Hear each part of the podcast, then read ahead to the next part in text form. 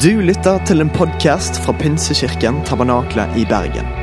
Vi tror at kirken skal være en plass hvor mennesker trives gjennom alle livets faser. En kirke for hele livet. Ønsker du å bli bedre kjent med oss eller holde deg oppdatert? Besøk vår Facebook-side eller ptb.no. Her er ukens tale. Vi snakker om eh, synd. Det var synd, heter serien vår. Og alle bare 'Jeg skulle ikke ha kommet i kveld.' Vel, du gjorde det. Eh, og på eh, Jeg så på en serie med han der Ronny eh, fra P3 eller et eller annet sånt noe. Eh, og så møtte han Harald, og så snakka de om noe liksom kjipt. Eh, og så sier eh, Ronny til, til Harald så sier han Tusen takk for en kjip nyhet. Og så svarer han, eh, Harald da. Eh, ja, men det er jo sannheten. Og så sier Ronny ja, det er det som er så synd. Og Vi bruker dette ordet synd så ofte. Vi kaster det liksom rundt oss. Eh, 'Jeg kan ikke komme på besøk', eller 'det går ikke', 'åh, det var synd'. Eller 'du bommer på et mål når du sparker fotball', som jeg aldri gjør, men det var synd. sant? Hvis du bommer på målet, eh, så synger du kanskje 'det var synd, det var synd'. Ikke sant? Er det noen som har gjort det? Nå kan dere bare bevege dere litt i ansiktet eller et eller annet. Hvis ikke så blir det dette er en lang tale. Neida. Eh, men det som er greia, er at vi bruker dette konseptet, dette ordet synd, ganske mye. Men eh, det er på en måte Alt som ikke er optimalt, kaller vi egentlig synd. Så i dagligtalen vår så finnes dette kanskje betente ordet for noen, og ikke så betente for noen andre. Og Noen vil si at dette er et tabuord. Dette er noe vi ikke skal snakke om. Eh, og ifølge vår cancel culture, nå kan jeg si det på engelsk, eh, så eh, burde du cancele meg ut fordi jeg snakker om synd. Eh, I en verden av algoritmer som fòrer deg, det må du være klar over. Akkurat det du har lyst til å vite, eh, og din sannhet, som det heter så fint på norsk, eh, så er det sånn at synd er på en måte noe vi da ikke skal snakke helt om. Det er litt off. Eh, så lenge det ikke handler om fotball og slike ting. Da. Eh, og jeg vet ikke om du har dårlige eller gode assosiasjoner eller ingen assosiasjoner med eh, synd. Jeg, vet ikke om du er liksom vant til å snakke om dette, men vi havner ofte i grøfter. Og målet med denne serien her er mange ting, egentlig. Men målet er å på en måte skape en dialog. At life-gruppene våre, at samtalene våre skal startes, og at vi ikke skal cancele hverandre ut bare fordi vi er litt uenige med hverandre, men tørre å være ærlige og snakke sant om det som faktisk er synd, ikke synd. Jeg vet ikke. Det blir en samtale og en dialog hvor vi lytter til hverandre. På 1800-tallet, sene 1800-tallet så skrev Fredrik, Fredrik Friedrich jeg, kan, jeg, burde kunne tysk eh, Fredrik Nietzsche eh, on the genealogy of morality og argumenterte at synd var noe som kom av en religion, og at Gud var problemet. At skam og skyld og disse tingene var noe som tilhørte den gamledagse religionen eller religioner.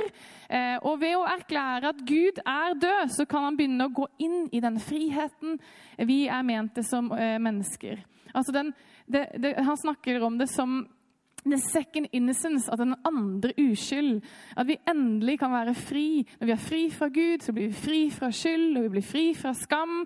Og vi kan gå tilbake inn i Edens hage uten Gud og Satan der til å forstyrre og skape utfordringer. Og så går nå tida. Eh, og det en så, var at dette var kanskje ikke helt realiteten. Sigmund Freud han argumenterer annerledes. Han sier at skyld og skam og alle disse tingene her er et slags ubehag, et indre, ubevisst, bevisst ubehag inni oss.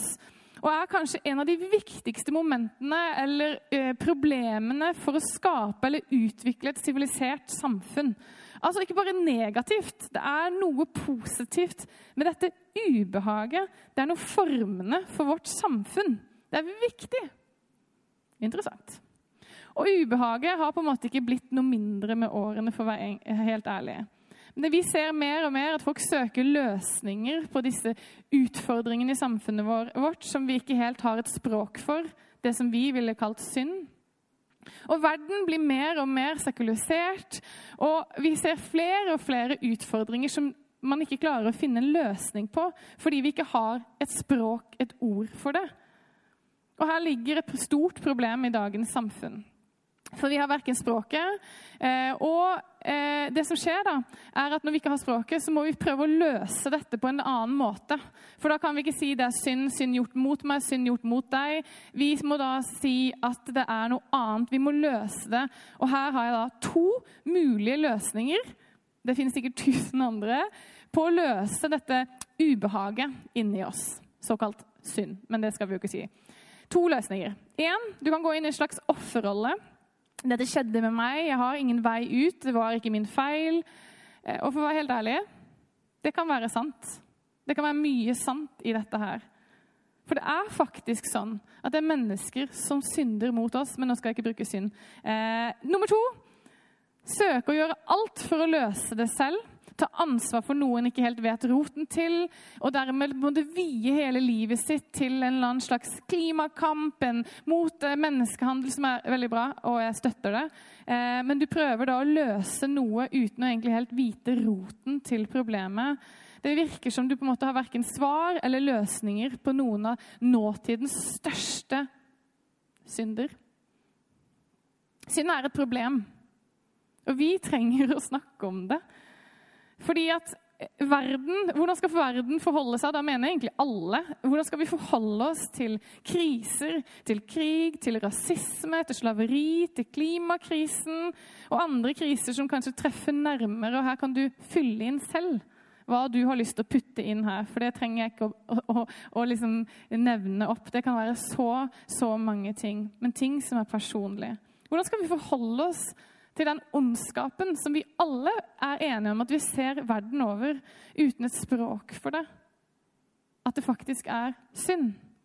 Og pendlene svinger veldig fort her. fordi før i tida så Nå bare sier jeg før i tida, men det er også en veldig generaliserende ting å si. Men før i tida så snakka man ganske mye om synd. for eh, Kristendommen var en stor del av vårt samfunn, og man var vant til å snakke om synd på godt og vondt. Det ble kanskje noen ganger harde ord, og de som snakka om synd, var kanskje ikke de som burde snakke om synd, og de som burde ha snakka om synd, snakka kanskje ikke om synd. Og så er det sånn at det var fort svart-hvitt, eh, og det ble brukt harde ord, og det er kanskje ikke alltid at det var det beste, den beste måten å gjøre det på. Og så har vi nå, da, hvor vi kanskje går litt andre grøfta her, vil jeg si. Selv om vi kanskje på mange måter er veldig ulike i møte med dette her. Men jeg tror noen av oss prøver å unngå av frykt å snakke om synd, både i vårt eget liv og i andre sitt liv og det som er rundt oss. Fordi vi er så redd for at vi skal støte noen, sette opp en mur, og hvis cancel culture er en greie, så blir det bare forsterkende. Jeg snakker ikke med deg, jeg er ikke enig med deg. Det blir ikke skapt en dialog rundt dette. En som heter Wilfred M. Maclay, forfatter av en spennende artikkel eh, som heter 'The uh, Strange Persistent of Guilt', for de som har lyst til å få det med seg. For deg som ikke bryr deg, ikke bry deg, så skal jeg forklare. Han sier at vi bør som aldri før hjelpe mennesker med å skape et språk for synd, skyld og skam fordi vi har en løsning. Et svar. Vi som er etterfølgere av Jesus Kristus, vi har faktisk et håp det er håp på en måte i synd så lenge det er en løsning til synden. Problemet roper etter en løsning, og her stiller vi som kristne etterfølgere av Jesus Vi stiller sterkt, for vi er bærere av evangeliet, gode nyheter til alle. Vi har et gledens budskap, og aldri før har det vært en bedre tid å snakke om synd. For synd er ødeleggende, skadelig, men Jesus er løsningen og friheten. Vi kan få lov til å være frimodige. Vi kjenner historien, den store historien som vi lærte på skolen. Om en Gud som skaper jorden. ikke sant? Himmel og jord, mennesket er perfekt, alt er bra. Så kommer synd snikende inn, og så får vi en utrolig kjip start ettereffekten av det er at Gud gjør alt han kan for å prøve å liksom dra oss tilbake i en relasjon, i en rett relasjon med han igjen. Han, han vil kjenne oss, han vil være i en relasjon med de han elsker igjen. Men så snur de seg vekk, velger selviskhet istedenfor Guds sin vei. Og igjen og igjen så roter de seg inn i en slags labyrint som de bare etter hvert aldri finner veien ut. Helt til de står der og sier 'Hjelp meg, Gud!' Og så er det et eller annet som om Gud bare liksom drar, og så kan du komme igjennom. Og så begynner vi på nytt igjen. Men så er det sånn at dette skjer igjen og igjen. Repeat-knappen den er liksom holdt nede. Dette er til da, i den dag i dag. Vi ser det samme igjen. Vi har en Gud som kommer med løsning, og så begynner vi å tenke at vi har en bedre løsning, og så kommer Gud med løsning, og så holder vi på sånn. Gud prøver å hjelpe oss. I Det gamle testamentet så leser vi om loven. Og vi tenker sånn ah, Kjipt. Lov. Men lov gir rammer for livet.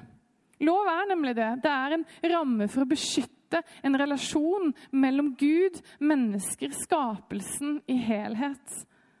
Synd er nemlig dette her. Alt Lytt nøye nå. Alt som skader relasjonen mellom meg og Gud, meg og mine medmennesker, altså ikke bare de jeg liker, men mennesker, mellom meg og meg, og mellom meg og skaperverket. Det er å bomme på målet.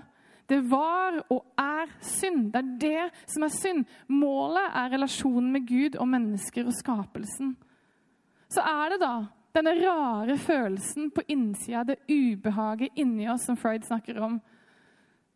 Er noe annet. Vi var ment for noe mer enn dette. Vi kjenner det når vi tråkker litt feil. Vi kjenner det når vi ser på verden rundt oss.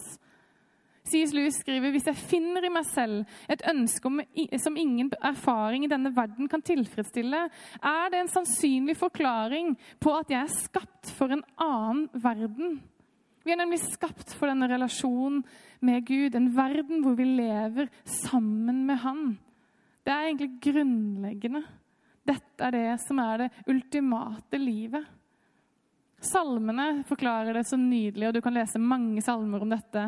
Men det, eh, David beskriver dette at det er bedre med én dag i Guds nærvær enn tusen dager andre steder. Men så trekkes vi som magneter i feil retning. Vi bare på en eller annen rar måte havner på feil steder igjen og igjen og gjør de feil tingene. Og Paulus beskriver dette. Det jeg vil gjøre, det gjør jeg ikke. Og det jeg ikke vil gjøre, det gjør jeg. Det virker å ligge latent i oss. Vi lever nemlig i en sånn mellomfasetid mellom da Jesus kom for å bygge en bro mellom oss og mennesker og rive ned det som holdt oss fra Gud og den relasjonen der, til den dagen vi står ansikt til ansikt med Jesus i himmelen, og alt er nydelig.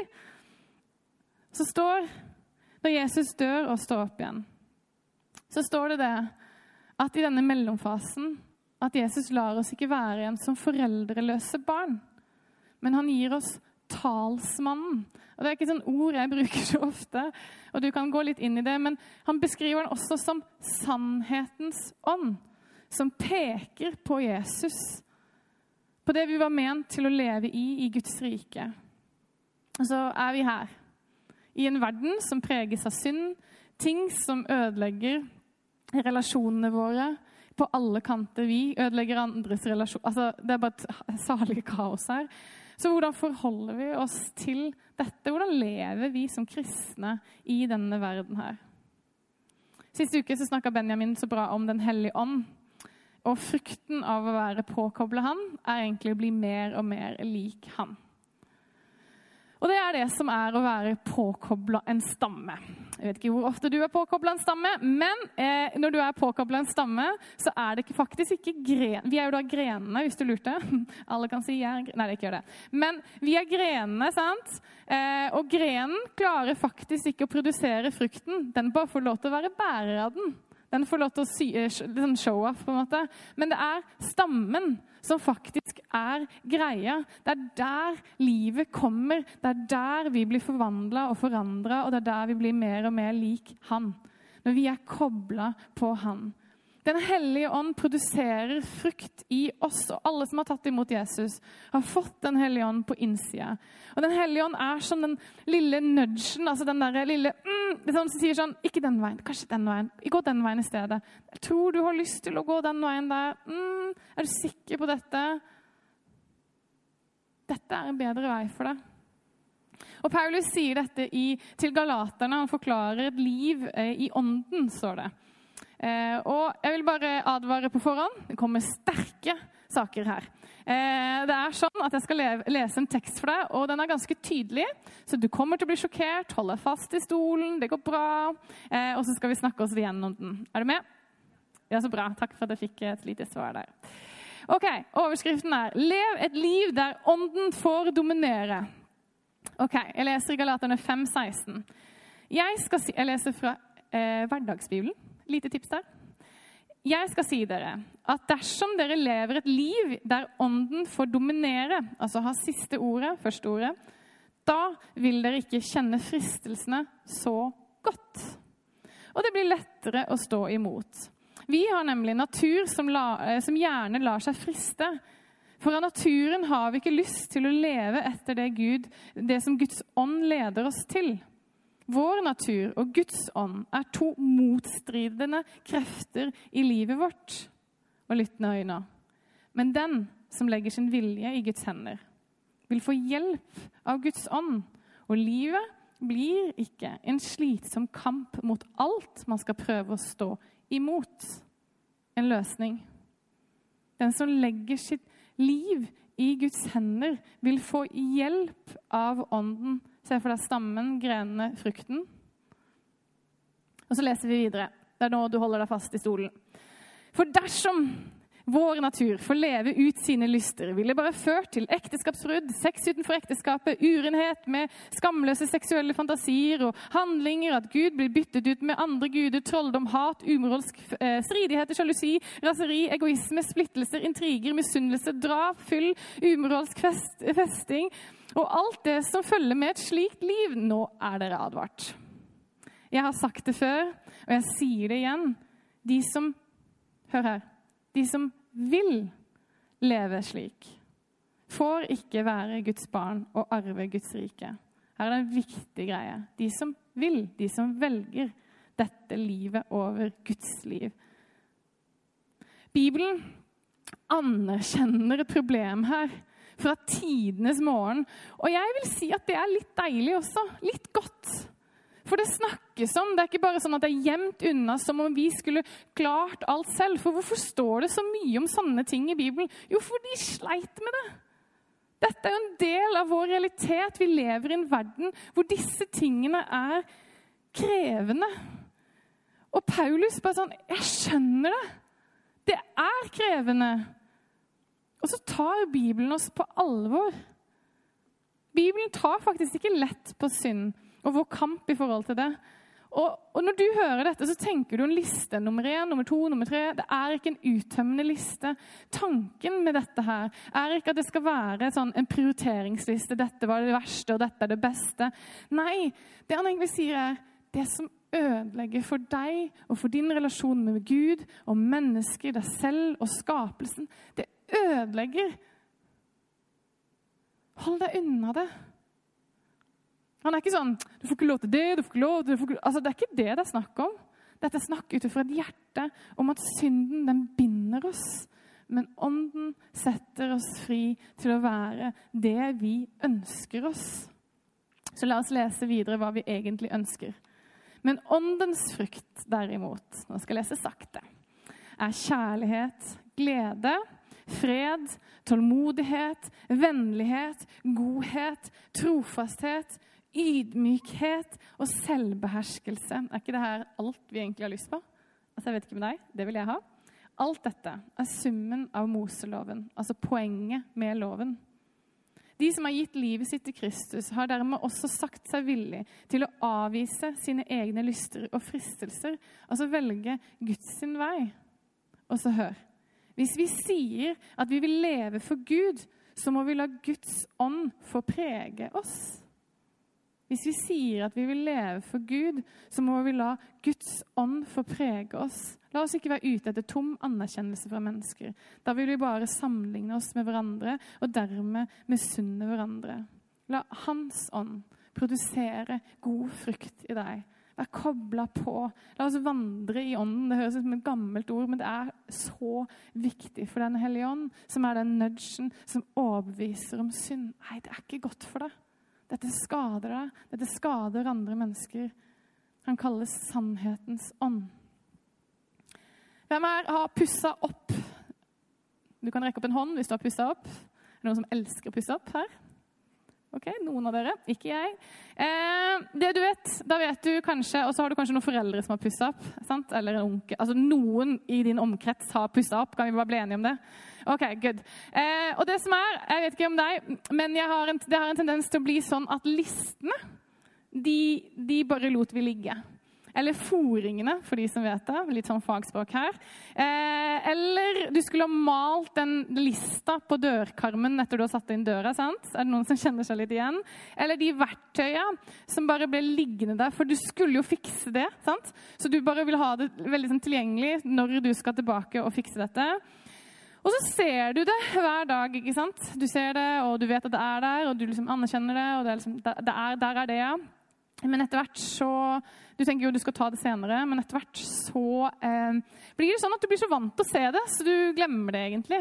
Eh, du, sånn, du, tenker egentlig ikke på det før plutselig så får du besøk. Og da er det som en svær elefant i rommet, og du sier til deg sjøl 'jeg skal ikke si noe', og det første du sier, er bare 'jeg har ikke malt karmene'. Eller 'jeg skal sette på listene'. Eller 'jeg, jeg har verktøyene der, for jeg skal fikse dette neste uke'. Jeg bare har hatt litt dårlig tid, og så har det så var det mangla den ene listen, og så var det noe med at venninna mi skulle hjelpe meg, og så ja, og så har jeg ikke hatt tid. Eh, og så er det ikke litt sånn med synd noen ganger. Man blir litt sånn ubehagelig, man, man blir liksom skammer seg, prøver å unnskylde det. og Etter hvert så har det bare blitt en del av hverdagen. Og så er det jo liksom greit i grunnen. da, Det er liksom ingen som tenker så mye på det helt til en får besøk. på en måte. Og så skjønner man plutselig, når man blir kanskje liksom får noen andre inn i livet, at man skjønner at kanskje jeg burde ta tak i dette. Men så begynner man å unnskylde det, eller forklare det, eller til og med forsvare det. Jeg må jo, hallo, jeg må jo få lov til. Jeg, jeg, altså det er jo ikke så galt. Jeg må jo få lov til. Og så er det gjerne ikke den verste jobben heller. Det er liksom bare noen småting som trengs. Det er bare en bekjennelse. Det er bare å kanskje snu litt om. Eh, og så kommer sannhetens ånd på innsida. Så peker han på Er det godt for deg? Er dette bra? Kanskje ikke dette er den beste veien å snakke sånn, som, sånn om disse menneskene, eller snakke sånn til dem, eller gjøre det eller det eller det. Den hellige ånd peker på noe for å skape noe i oss, for å sette oss fri. Vi har ikke bare en peker. Det er sånn at Når pappaen min kommer på besøk, så er ikke han bare sånn Ser du ikke å fikse karmene? Ser du ikke å fikse listene? Nei, han setter i gang og sier kom, nå tar vi det. Og Sånn er litt Den hellige ånd. Han sier hei, skal ikke vi sette i gang? Skal vi ikke få på plass dette? Skal vi ikke rydde vekk dette? Skal vi ikke legge fra oss dette? Skal vi ikke kaste dette? Han hjelper oss å ta tak i problemet vårt. Det er et problem. Synd er et problem, men det er en løsning. Og det blir gjort om vi lar ham få lov til å komme til. Om vi tør å være sårbare nok og si hm, kanskje dette ikke var helt greit. Det er en løsning. Og la meg bare si det er nødvendigvis ikke superenkelt. Sannheten setter deg fri. Men ingen har sagt at sannheten er enkel alltid. Det er ikke sånn at det bare plutselig så blir det sånn Woohoo! Altså, livet blir nydelig etter du har sagt noe. Nei, det er kanskje ikke det. Men sakte, men sikkert så får du lov til å begynne å bevege deg i riktig retning igjen. Og så kjenner du at dette begynner å funke som det skal, og du begynner å leve sånn som du skal. Og leve i friheten og følge Han som vet veien. Det er så utrolig viktig. Jeg var ca. to år, bodde i Kristiansand. Det er derfor jeg snakker sånn som jeg gjør. Eh, og jeg hadde fått meg ballong. Sånn, sånn ballong du, som man ikke skal ha lenger pga. klima. Eh, men sånn ballong hadde jeg. Det var før vi visste bedre. Eh, og mamma hadde bundet den fast på hånda mi, for hvis ikke så kom jeg jo til å miste den. Eh, og jeg, lille, stae kroppen min eh, var sånn at jeg var for det første veldig gira. Og plutselig, ut av det blå, så løp jeg inn i 17. mai-toget. Eh, og jeg er ikke på riktig vei i toget, for de fleste gikk denne veien. Men jeg, jeg skulle denne veien. Og så begynte jeg liksom å, å liksom, ikke sant? Lille ninjaen løper med ballongen sånn her. ikke sant? Og det eneste mamma er bare sånn, se ballongen. Og hun sier sånn oppgitt at hun bare «Ah, Hvorfor måtte du gå feil vei? Og det ble så flaut, og du måtte prøve å hente meg. Og greia var at jeg var liksom så opptatt av å gå motsatt vei. Jeg var så sta. Og noen ganger så vil det her være det samme som å leve i åndens kraft. Noen ganger så vil 17. mai-toget gå den veien. Og så ser det ut som det mest naturlige å gå den veien, for det er der alle andre går. Men det er ikke alltid det er så enkelt. Det er ikke alltid at bare fordi det virker som denne veien, at det er den veien vi skal gå. Kanskje vi er ment til å gå en annen vei. For noen ganger er det noe som er viktigere enn hva alle andre gjør. Vi lever nemlig for Jesus. Og det er da vi virkelig er fri, når vi følger han og ikke alle andre. Det er det som er en etterfølger av Jesus, en disippel av Jesus. Og da blir det en jobb noen ganger. Det er ikke alltid superenkelt å velge en annen vei. Guds vei. Den smale vei, kalles det noen ganger. Tilbake til ideen om problemet om synd som roper etter en løsning. I den artikkelen jeg leser, så sier forfatteren at eh, vi aldri befunnet oss som jeg sa ganske tidlig, at vi aldri funnet oss i en bedre tid å snakke om synd som akkurat nå. Fordi vi har en klar løsning for problemet. Vi har gode nyheter. Og faktum er at det virker som hele verden søker etter svar for nesten alle. Religiøse eller ikke religiøse, når de blir spurt om hva synd er, så nevner de klimasynd, menneskehandel, rasisme osv. osv. Og så har vi til og med en generasjon som har gått i skolestreik for miljøet, som lager danseforestillinger om plast i havet, som engasjerer seg mot menneskehandel og rasisme. Og dette er skikkelig bra. Jeg er stolt av det. Men hva er fellesnevneren med disse problemene her? Det er det at de er ødeleggende. Og problemene er ganske store når man ikke vet hvor man skal plassere det, og når man ikke har et svar hva, og et språk rundt hva det her er for noe. For å være helt ærlig så kan det virke så sykt håpløst. Sykt er faktisk kanskje det riktigste ordet å bruke. Når vi ikke har et språk rundt synd, så finnes det heller ingen åpenbar løsning, bortsett fra at du må kanskje bære den skylden selv eller legge den på noen andre. Og Den nagende følelsen som Freud nevner, er at for om du er troende eller ikke, så ligger det da noe i vårt indre som reagerer og sier ja, men det er ikke ment å være sånn som dette. Og dette klarer vi ikke aleine. Det er for stort. Og hvis vi skulle båret det på oss, så hadde vi aldri klart å løse det, for å være helt ærlig. Dårlige nyheter, akkurat det der. Men vi, ikke klart, vi hadde ikke klart det alene. Synden er et problem. Og så har Jesus et problem med synd.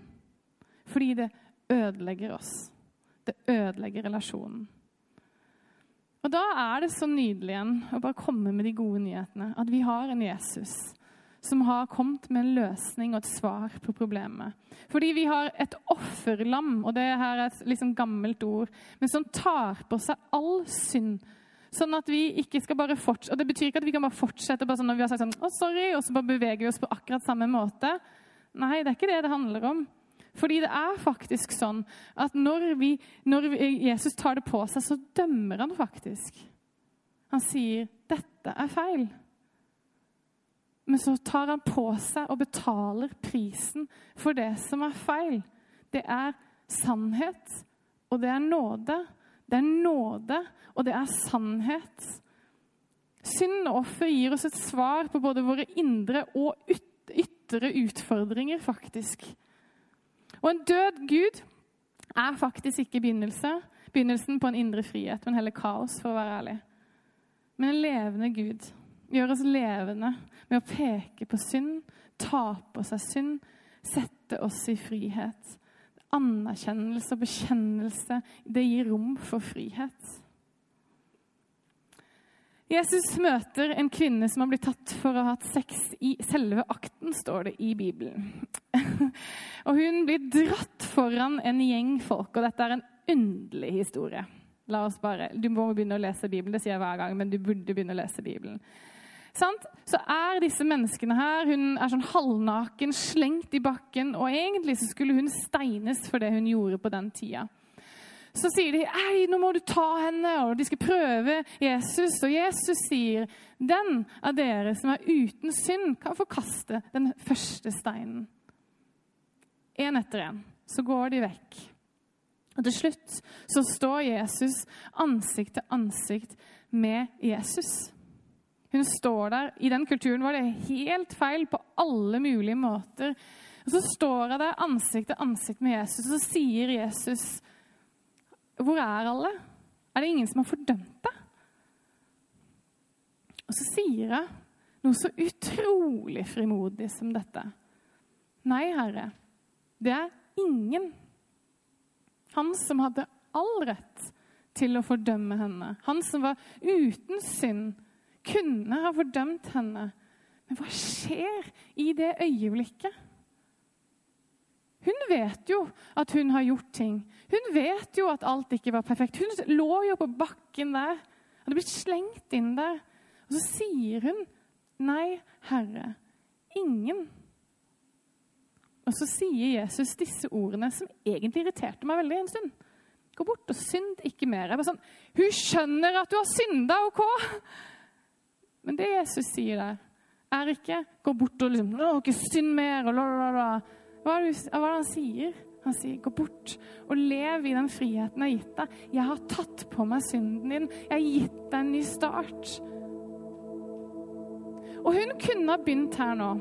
Når han sier det, så kunne hun begynt sånn Men Jesus, du vet jo at han og han gjorde det mot meg, og de dro meg inn der, og det skjedde med meg, og derfor gjorde jeg det, og de gjorde det, og Hun kunne begynt å snakke om alt det som var, og hun hadde sikkert hatt all rett til å gjøre det.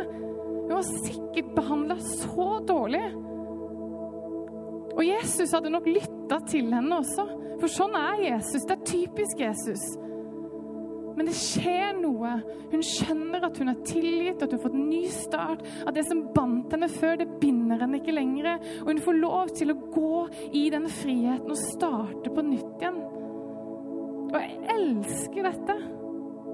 Akkurat som den kvinnen som satt ved brønnen og skulle gi Jesus litt vann. og Det var liksom snakking der, og de skjønte ikke hverandre litt. Og så plutselig så begynner Jesus å fortelle henne alt hun har gjort.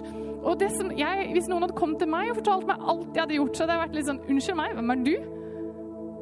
Men det skjer noe i et øyeblikk som gjør at hun løper vekk og sier Ei, jeg har møtt han som har fortalt meg alt jeg har gjort sjukt. Jeg vet ikke om jeg hadde løpt ut og sagt jeg gjorde det, det, det, det, det. Men hun sier det fordi hun er ikke den lenger. Hun har fått starte på nytt igjen. Hun har møtt nåde og sannhet. Hun har sett nåden i øynene. Hun må ha vært utrolig letta. Og du vet den følelsen av å ha gått og båret på noe, skamma deg over noe, og så få si det til noen, så koster det så mye i det øyeblikket. Men så møter du et blikk av noen som forhåpentligvis sier Det går bra. Vi skal løse dette sammen. Det går bra. Det fins tilgivelse for det. Det går bra. Skal vi starte på nytt igjen? Det går bra. Det betyr ikke at det går bra å fortsette, men det går bra. Sammen så skal vi starte en ny vei i frihet. Det er lettelsen, den lettelsen er helt utrolig.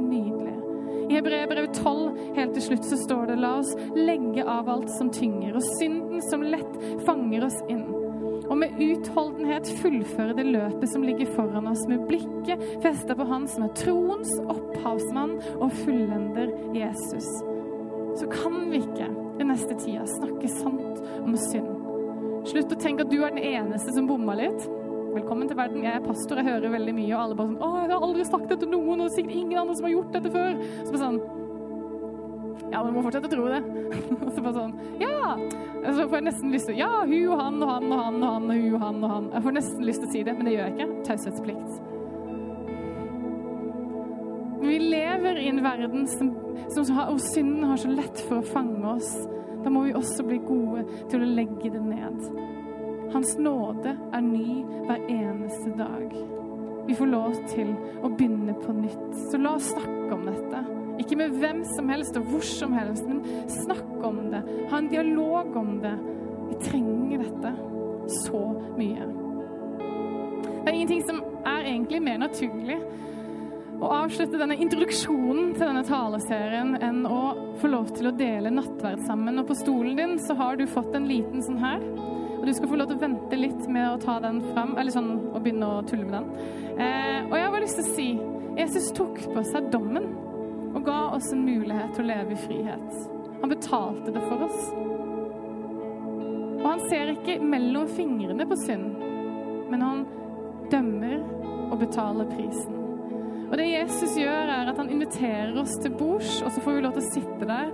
Og så får vi daglig lov til å ha en mulighet til en samtale med Jesus, se han i øynene og få lov til å si ah, 'Dette er Jesus'. Og så sier Jesus, 'Jeg har nok for deg. Det jeg gjorde på korset, det er nok'. Du får lov til å sitte og starte hver dag sammen med Jesus. Jeg har lyst til å utfordre at du ikke bare la nattverd bli noe som du gjør her, for da blir det veldig rart. Det er veldig vanlig å gjøre det sammen med venner og familie og folk som du er glad i. Det er veldig ukomplisert på en måte. Jesus gjør det noe fysisk for at vi skal kunne få lov til å kjenne på, føle på, for at vi skal kjenne og vite at det han gjorde på korset, det er godt nok. Sånn er Jesus stor.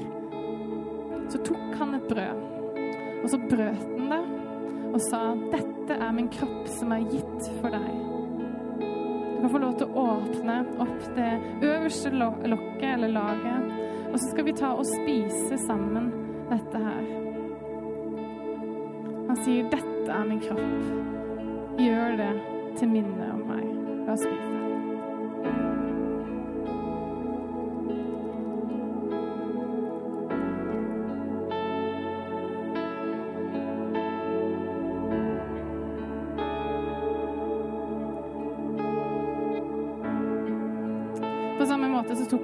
Etter måltidet sa dette er begeret, dette glasset, er den nye pakt i mitt blod. Hva betyr egentlig det? Dette er starten på en ny framtid. Vi får lov til å ta imot hans tilgivelse. Og hver gang vi drikker av dette, så gjør vi det til minne om hva han har gjort for oss. Du kan få lov til å drikke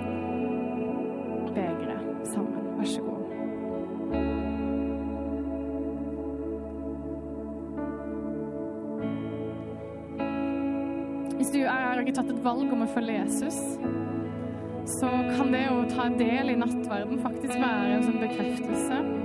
Men jeg anbefaler deg å si det til noen også.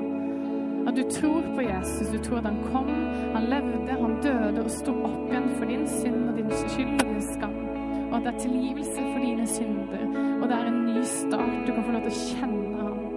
Så hvis du er her og ikke gjort det, så har jeg lyst til å utfordre deg til å si det til noen. Kom og si det til meg. Kommer til å bli så glad. Si det til meg, si det til en venn. De kommer også til å bli så glad.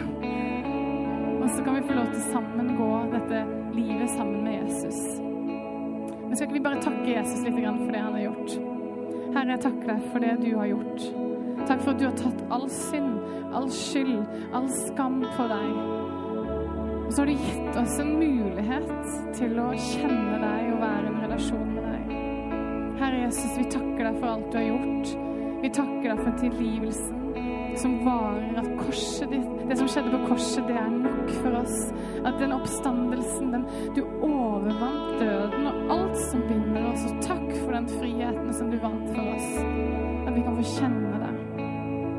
Herre, jeg takker deg for denne kvelden her. Og at mennesker skal få lov til å kjenne at, at du er her med sannhet og sannhet.